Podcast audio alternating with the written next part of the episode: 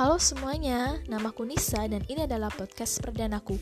Aku juga nggak tahu sih kenapa bisa kepikiran buat podcast. Tapi emang kepikirannya tuh udah dari lama, cuma ya baru bisa dieksekusi sekarang aja. Jadi tadi pagi nih sekitar pukul 6 lah di kamar kos sambil rebahan tentunya tercetuslah nama numpang basa-basi. Kenapa numpang basa-basi? Karena pas aku cari numpang basa-basi ini di Google dan juga di Spotify itu belum ada.